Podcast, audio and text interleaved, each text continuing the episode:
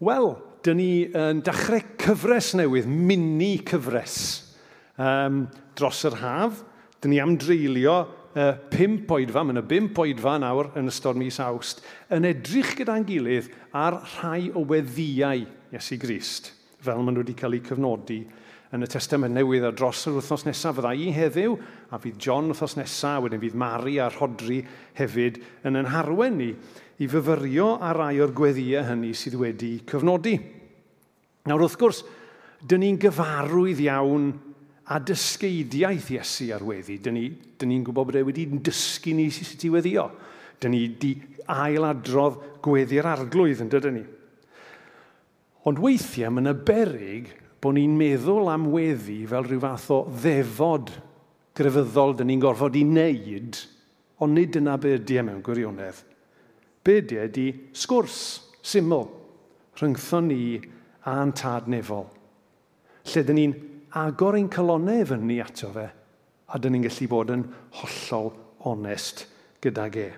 A fel dwi'n gweud, dwi am i ni edrych ar weddiau Iesu uh, ei hunan uh, uh, yn ystod y gyfres nesaf. I weld be mae'r pethau yma, y gweddiau yma yn dysgu i ni ynglyn â Iesu, Dyn ni'n mynd i gael cipolwg ar ei berthynas e a'i dad, yr un oedd e'n siarad gydag e. A gobeithio fydd e hefyd yn help i ni ddysgu gwersi ar gyfer ein bywydau ninne hefyd. Mae yna rhywbeth gwerthfawr yn does mewn gweddi, mewn fraint yn bod ni'n cael gweddio. Yn bod ni'n gallu troi at yn tad nefol a gallu dod ato fe efo yn, yn beth sydd ar yn calon ni ac yn y blaen. Ond mae hefyd yn fraint cydweddio a, a gwrando ar bobl yn gweddio. Dwi'n siŵr nawr, jyst wrth i fi ddeud hynny, dych chi adre a chi yn y capel, falle'n gallu meddwl am ryw, ryw adeg arbennig, lle dych chi wedi bod efo rhywun sydd wedi bod yn mynd trwy ryw brofiad arbennig, a wedi gwrando arnyn nhw. Y masg wedi dod i lawr, a gwrando arnyn nhw jyst yn taflu hunain ar yr arglwydd ac yn gofyn am ei help e un o'r rhai oedd, oedd, oedd y bob amser yn fraint gwrando ar ni'n gweddio, oedd Joan Hughes. A oedd e wastad yn ynghal i. Chymo, oedd Joan yn 1990 yn doedd yn marw. Ond hyd yn oed wrth iddi fynd yn hun, pam oedd Joan yn gweddio, oedd hi newid. A oedd hi unwaith eto y ferch fach 17 mlynedd oed na, nath rhoi i bywyd i'r arglwydd. Oedd hi jyst yn gwedd newid yn llwyr. Mae gweddi yn, a dwi'n yn gwybod os oes na air Cymraeg, cystel ar Saesneg ar mae gweddi yn beth intimate iawn. Mae'n beth agos iawn. Achos mae'n gipolwg ar berthynas rhywun a diw. A dyn ni'n gallu deall rhywun am berthynas rhywun a diw wrth rando ar ei gweddi. A dyn ni'n mynd i ddechrau edrych ar weddiau Iesu gyda un o'r gweddiau cyntaf sy'n cael ei chyfnodi yn Ioan 11, Nawr, mae'r hanes yn Ioan 11 yn, yn hir iawn, a felly dwi ddim am wneud y darlleniad i gyd, achos mae'n hanes lawn. Ond jyst i ni roi rhyw grynordeb bach i chi, mi oedd Lazarus, brawd Mair a Martha'n sal, anfonwyd neges at Iesu yn deud, mae Lazarus yn sal, wneud i ddod er mwyn i, i wella fe, please. A mae Iesu yn oedi, a dydy e ddim yn mynd, a mae'n y ddyddiau mynd heibio, A wedyn mae Iesu yn y diwedd yn mynd. Ac wrth gwrs erbyn iddo fe fynd, mae Lazarus wedi marw. A mae'r chwiorydd yn deithio, o, oh, tysa ti mond wedi bod yma arglwydd. A mae Iesu'n deud y geiriau fi, o'n i'n edrych arno yn y grŵp cymuned, chydig wythnosau nôl, my fi yw'r atgyfodiad ar bywyd. A wedyn mae Iesu'n gofyn, lle mae'r bedd? Dwi eisiau mynd at y bedd a wedyn dyn ni'n darllen y geiriau yn y darlleniad yma sy'n darllen o adnod 38 i 44 yn y bennod yna. Roedd Iesu'n dal wedi cynhyrfu pan ddaeth at y bedd. Ogof oedd y bedd a charreg wedi gosod dros geg yr ogof. Symudwch y garreg, meddai. Ond yma Martha, chwaer y dyn oedd wedi marw yn dweud am hwn ymarferol iawn, arglwydd bydd yn drewi bellach. Mae wedi gladdu ers pedwar diwrnod. Meddai Iesu wrthi, nes i ddim deud wrtho ti y cei weld mor wych ydy diw, dim ond i ti gredu. Felly, dyma nhw'n symud y garreg, a dyma'r weddi. Yna edrychodd Iesu i fyny a dweud, Dad, diolch i ti am wrando arna i. Dwi fy hun yn gwybod dy fod ti'n gwrando arna i bob amser. Ond dwi'n deud hyn er mwyn y bobl sy'n sefyll o gwmpas iddyn nhw gredu mae ti sydd wedi fy anfon i. Ar ôl dweud hyn, dyma Iesu'n gweiddi'n uchel Lazarus tyrd allan – A dyma'r dyn oedd wedi marw yn dod allan. Roedd ei freichiau a'i goesau wedi rhwymo gyda stribedi o liain ac roedd cadach am ei wyneb. Tynnwch nhw i ffwrdd a'i ollwng yn rhydd, meddai Iesu. Nawr, mae'n mae stori gyfarwydd iawn, ond mae'n stori rhyfeddol, yn dydi? Ond weithiau efo straeon cyfarwydd, mae'n rai pethau dyn ni ddim yn sylwi arnyn nhw, achos dyn ni'n ei clywed nhw mor aml. A dwi am i ni edrych falle ar y weddi, jyst y weddi fach na mae Iesu yn gweddio yn nghanol y stori yma. Dyn ni am edrych ar y cyd-destun, a wedyn dwi'n ni edrych am dri pwynt ynglyn â gweddi Iesu. A'r tri pwynt ydy undod Iesu efo'r tad, hyder a diolchgarwch yn y weddi, a pwysigrwydd gogoniant Dyw, a mi ddown i'r hynna fesul un. So, o cyd-destun i ddechrau, mae'n hanes, fel yn gweud, ni wedi clywed e, falle ers pam oedden ni'n blant, mae'n hanes cyfarwydd iawn. Da ni'n gyfarwydd â Lazarus, Mair a Martha, oedden nhw'n ffrindiau. Oedden nhw'n ffrindiau i'r Iesu. Ac mae'r hanes yma ni'n cyffroes a dramatic iawn. A un o'r ysymau mor gyffroes yw mae'n amlwg bod Iesu Grist ei hun dan deimlad. Yn yw mae'r peth yn emosiynol yn dydy. Dyn ni'n cofio bod, fel o'n i'n adrodd yn gynharach, bod Iesu wedi clywed bod Lazarus yn sal, ond mewn rhyw, am ryw reswm bizar, dwi e ddim yn mynd. A mae hyd yn oed yn deud, gewch chi weld, fydd gogoniant diw yn cael ei ddangos i chi trwy beth sy'n mynd i ddigwydd yn fan hyn. Mae'n oedi'n foriadol, mae'n cyrraedd yn rhy hwyr i bob golwg, lle mae Lazarus di marw ers rhai dyddiau. E ac mae'n gwneud rhywbeth rhyfeddol ac mae'n deud rhywbeth rhyfeddol. Mae'n deud y geiriau yna mae fi yw'r atgyfodiad a'r bywyd. So mae Iesu'n cyflawni gwirth, ond mae'n cyflawni'r wirth nid er mwyn dangos i fod e'n glyfar, ond mae'n cyflawni'r wirth er mwyn dysgu rhywbeth. Mae'n cyflawni'r wirth er mwyn deud rhywbeth amdano ei hun ac am ei dad. Mae newydd ddeud, mae fe ydy'r atgyfodiad a'r bywyd. A nawr mae'n mae dangos hynny trwy wneud y peth rhyfeddol yna. A tra mae'n gwneud hynny, mae'n gweddio. Ac mae'n gweddio'n uchel. Ac sylwch chi be oedd e'n deud? Dwi'n deud hyn er mwyn y bobl sy'n sefyll o gwmpas. So mae eisiau i'r bobl sy'n gwylio glywed geiriau i weddiau. Ac wrth iddyn nhw gael eu cofnodi fan hyn, dyn ni ymhlith y bobl na sy'n sefyll o gwmpas yn cael gwrando ar yr hyn y mae Iesu'n deud er mwyn medru deall a gweld beth sy'n gynnu fe ddeud am hyn. Ac os dyn ni'n edrych ar y weddi, fel o'n i'n deud, dyn ni'n gweld tri peth. Y peth cyntaf dyn ni'n gweld ydy undod Iesu a'r tad. Eto, dwi eisiau yn atgoffa ni, cofiwch pam nath e weddio hyn yn gyhoeddus, er mwyn i'r gwylwyr ddeall beth oedd yn digwydd. A gwrandwch be mae'n deud. Dwi fy hun yn gwybod dy fod ti yn gwrando arna i bob amser. Mae'n troi ti dad ac mae'n deud, dwi fy hun yn gwybod dy fod ti'n gwrando arna i bob amser. Ac wrth i ni drio deall hynny, dyn ni'n dod i ganol gwirionedd pwysig iawn yn y Beibl, sef gwirionedd y drindod. Y tri yn un ar un yn dri. Oedd y gwirionedd yma wedi bod yn amlwg trwy hanes y Beibl. Oedd e'n amlwg yn y creu. Dyw y tad yn creu, dyw y mab, y gair yn rhan o'r creu, yr ysbryd uwchben y dyfroedd, oedd y drindod yna reit ar y dechrau. A dyn ni'n cael darlun arall o'r drindod adeg bedydd Iesu. Mae Iesu y mab yn cael ei fydyddio. Mae'r tad yn deud, Tydi ydi fy mab anwyl i, rwy ti wedi fy mhlesio yn llwyr, ac wedi mae'r ysbryd yn disgyn fel colomen. Y tri person efo'i gilydd yn fanna. Nawr en, dwi wedi treulio dipyn o amser wythnos yma yn darllen ac yn gwrando ar bobl yn siarad ynglyn ar drindod. A mae'n mae gymleth. Dyn ni ddim yn gallu i ddeall e. Chingo?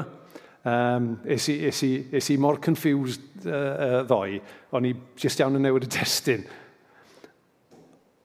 Dyn ni ddim yn mynd i ddeall pob dim am y drindod, ond mae'n rhai pethau dyn ni jyst eisiau dal gafel yn nhw. Dyn ni jyst eisiau dal gafel mewn rhai pethau. Mae Dyw yn un diw sydd yn bod mewn tri pherson. Mae unrhyw ddarlun i drio esbonio hynny mynd i fod yn anigonol. Mae yna lot o ymdrechion. Yr un gorau dwi licio ydy'r darlun yna. Mae'r bobl yn dweud o ddŵr. Mae dŵr yn medru bod yn rhew, mae'n medru bod yn stem ac mae'n medru bod yn ddŵr yn hylif yn dydy. Ond mae hyd yn oed y darlun yn... yn ond dŵr di'r cyfan yn dyfe. A mae hyd yn oed y darlun yna yn anigonol. Tydy hynny ddim yn esbonio'r peth yn iawn. So maen nhw'n dri person. Dyn ni'n gwybod fod Iesu yn ddiw.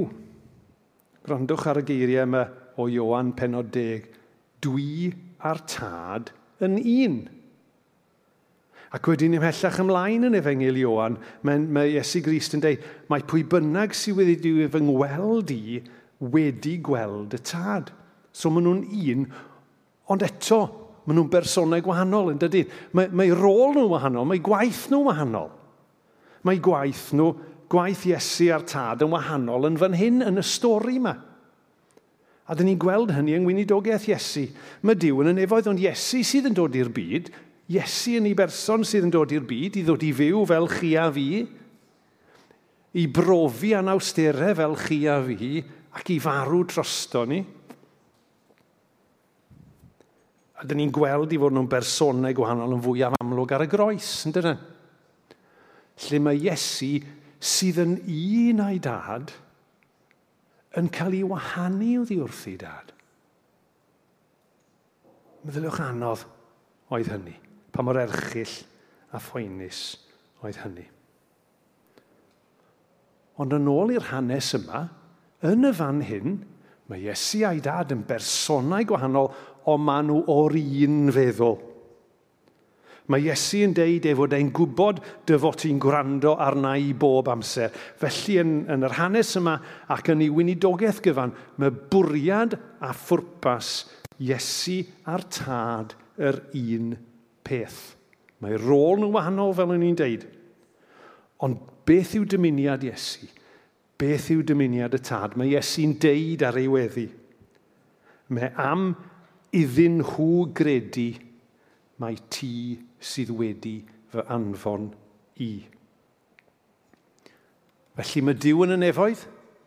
Mae Iesu yng nghanol reality bywyd a marwolaeth, ond maen nhw'n un rôl diw'r tad, rôl diw'r ysbryd lan, rôl Iesu yn wahanol, ond mae nhw yn un. A dyn ni'n gweld hynna yn y weddi. A'r ail beth dyn ni'n gweld yn y weddi ydy hyder a diolchgarwch mewn wrth galon y weddi. Dyn ni'n gweld rhyw gymaint yn fwy nawr o natur y berthynas yma rhwng Iesu a'r tad. Dyn ni'n clywed Iesu yn deud, Dad, diolch i ti am wrando arna i. Mae'n diolch, ac mae'n diolch yn hyderus, am ei fod e'n gwybod fod Dyw yn gwrando, ac yn mynd i wrando, ac mae'n diolch am hynny cyn cael yr ateb i'r weddi, yn dydy? Sut mae'n gallu bod mor hyderus? Sut mae'n gallu bod mor hyderus? Mae hyderau yn natur diw mae hyder e yn y ffaith bod ei ewyllus e ac ewyllus y tad yr un peth. A mae hwnna'n medru swnio chydig bach yn glib ac yn hawdd, ond dyn ni'n gwybod o reality bywyd na dydy e ddim yn glib ac yn hawdd. Mae Iesu yn ddyn naturiol cyflawn yma hyn. Mae un o'i ffrindiau fe wedi marw. Mae'n gweld chwiorydd y ffrindiau mewn gwewyr wrth golli ei brawd. Un o'r adnodau nes i ddim darllen cyn y darlleniad oedd hyn. Roedd Iesu yn ei ddagrau, edrychwch gymaint roedd yn ei garu, meddai'r bobl oedd yna. Mae yna ddryswch o'i gwmpas e. Mae yna sŵn o'i gwmpas e, mae yna wylo o'i gwmpas e. Mae'r defod i ddewig yma o lari di cicio fewn yn llwyr a dych chi'n lli dychmygu'r sŵn a'r berw wrth i bobl a lari. Mae'r galaru goeddus sy'n full swing. Ond mae Iesu'n troi at ddiw achos fe sy'n charge. A mae'n deud, dad, ti sy'n charge. A dwi am ofyn rhywbeth mawr. Ond gan ein bod ni'n un, mae'n deud, dwi'n hyderus dy fod ti am wrando arno fi, a dwi'n diolch i ti am hynny. So mae'n hyderus ac mae'n ddiolchgar. A mae hynny'n dod â ni at y trydydd peth. Y trydydd peth da ni'n gweld yn yr hanes yma ac yn, ac yn y weddi, sef i Iesu gogoniant diw sy'n bwysig.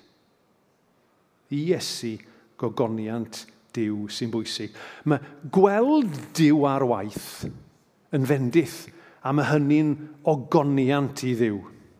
Mae Iesu'n gwybod beth sy'n ar fi'n digwydd, bod beth sy'n ar fi'n digwydd yn mynd i ddangos gallu a gogoniant diw.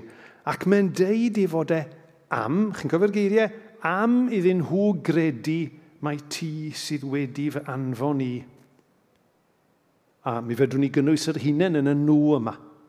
Ddim jyst y bobl oedd yna, ond er mwyn i ni gredu mae Dyw sydd wedi anfon ni.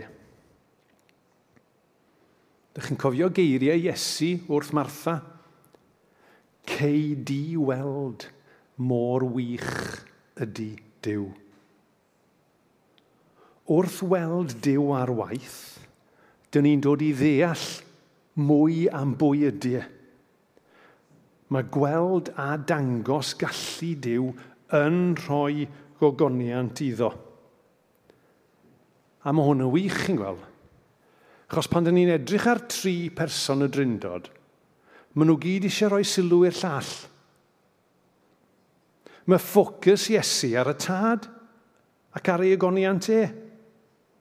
Mae'n ymfalchio na fe. A dyn ni'n gweld hynny reit trwy'r Beibl.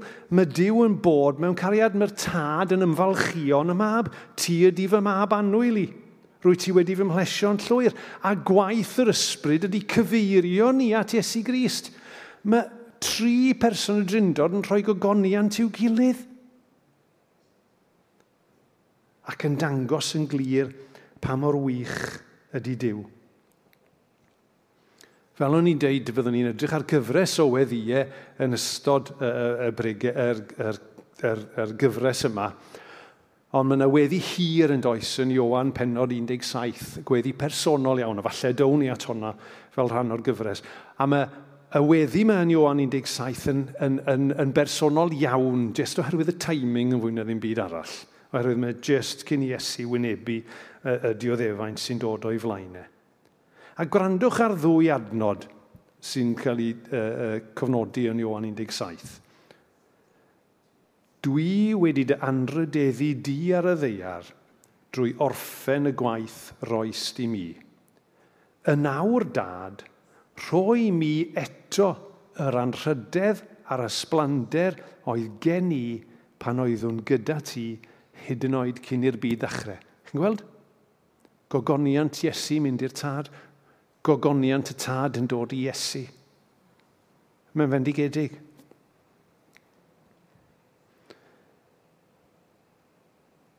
Jyst i grynhoi, dyn ni wedi edrych gyda'n gilydd ar y cyntaf yma o weddiau Iesu. Be mae hwnna'n golygu ac yn dysgu i ni? Am Iesu, am ein bywydau ni. Chi'n cofio'r tri pwynt? Dyn ni wedi gweld undod Iesu a'r tad. Wedi gweld bod Iesu a Dyw fel dau berson o'r drindod yn un, bod ei rôl a'i gwaith nhw'n wahanol, ond bod ei dymuniad nhw a'i ewyllus nhw yr un peth. Ac i chi a fi, dylen ni uniaethu gydag ewyllus Dyw. Dyle uniaethu gydag ewyllus Dyw fod yn nod i ni, a tydi hynny ddim bob amser yn hawdd. Fwy nag oedd e'n hawdd i esu pan oedd e'n gweddio yn yr ardd, boed i'r cwpan hwn fyned heibio, ond wedyn yn deud, ond gwneler dy ewyllus di. Mae hwnna'n wers i ni hefyd. Unieithu'n hunain gyda dymuniad diw ar yn cyfer ni, sydd yn ddymuniad da. Ond i ni eithi hunan efo hynny. Yr ail bwynt oedd hyder a diolchgarwch. Mae Iesu yn gwbl hyderus wrth ddod at y tad, achos i fod e'n nabod calon y tad. Ac mae'n diolch am hynny. Mae'n galw arno ni i fod yn hyderus ger bron diw. Nid am yn bod ni yn bod yn byd special amdano ni, ond am i fod e yn special.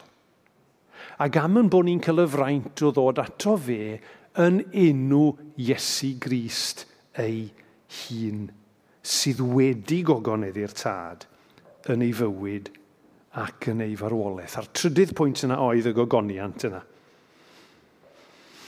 Fel roedd ffocws Iesu ar ddwy'n gogoniant i ddiw, fe ddylen ni nefod yr un fath.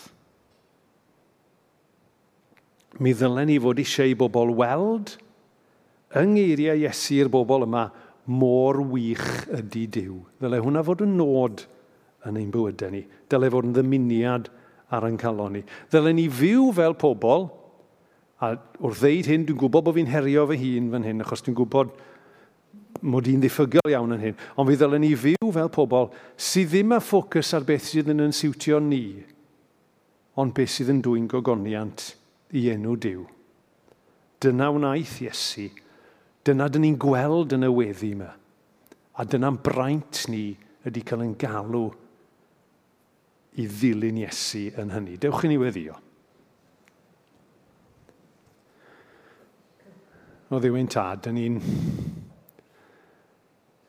Rydyn ni'n diolch i ti am y fraint o gael edrych ar, dyf, ar fywyd Iesu. Ar eiriau Iesu. Ar yr hyn roedd Iesu ni wneud. Diolch i ti arglwydd Iesu bod ni'n cael gwrando ar dyweddiau di. A bod ni trwy hynny'n cael i'w gipolwg ar y berthynas yma oedd gen ti, sydd gen ti ar tad. A rwy ti'n yn gwachodd ni i fewn i hynny arglwydd. Wyt ti'n yn gwachodd ni i fod yn un. Wyt ti'n yn gwachodd ni i fod yn hyderus ac yn ddiolchgar. Wyt ti'n yn gwachodd ni i roi'r gogoniant i'r tad. Arglwydd mae'r gwahoddiad yna'n gyffroes iawn. Mae'r gwahoddiad yna chydig bach yn scary hefyd arglwydd. Achos dyn ni'n gwybod am yn gwendid ni ond yn ni'n diolch i ti arglwydd am drydydd person y drindod yr ysbryd lan, a dyn ni'n gwyddio ysbryd lan yn ei di nerthu ni i fyw fel, fel mae'r arglwydd am i ni fyw. Felly, dyn ni'n rhoi yn hunain arglwydd yn dy ddwylo di. Dyn ni'n rhoi yn hunain i ti. Dyn ni'n gofyn i ti ein llenwi ni, i ti ein defnyddio ni i ti ein bendithio ni a bendithio eraill trwy omni. Diolch i ti am gael treulio amser gyda ti fel hyn a bendithio ni nawr wrth i ni barhau yn y naddoliad ni. Yn enw Iesu. Amen.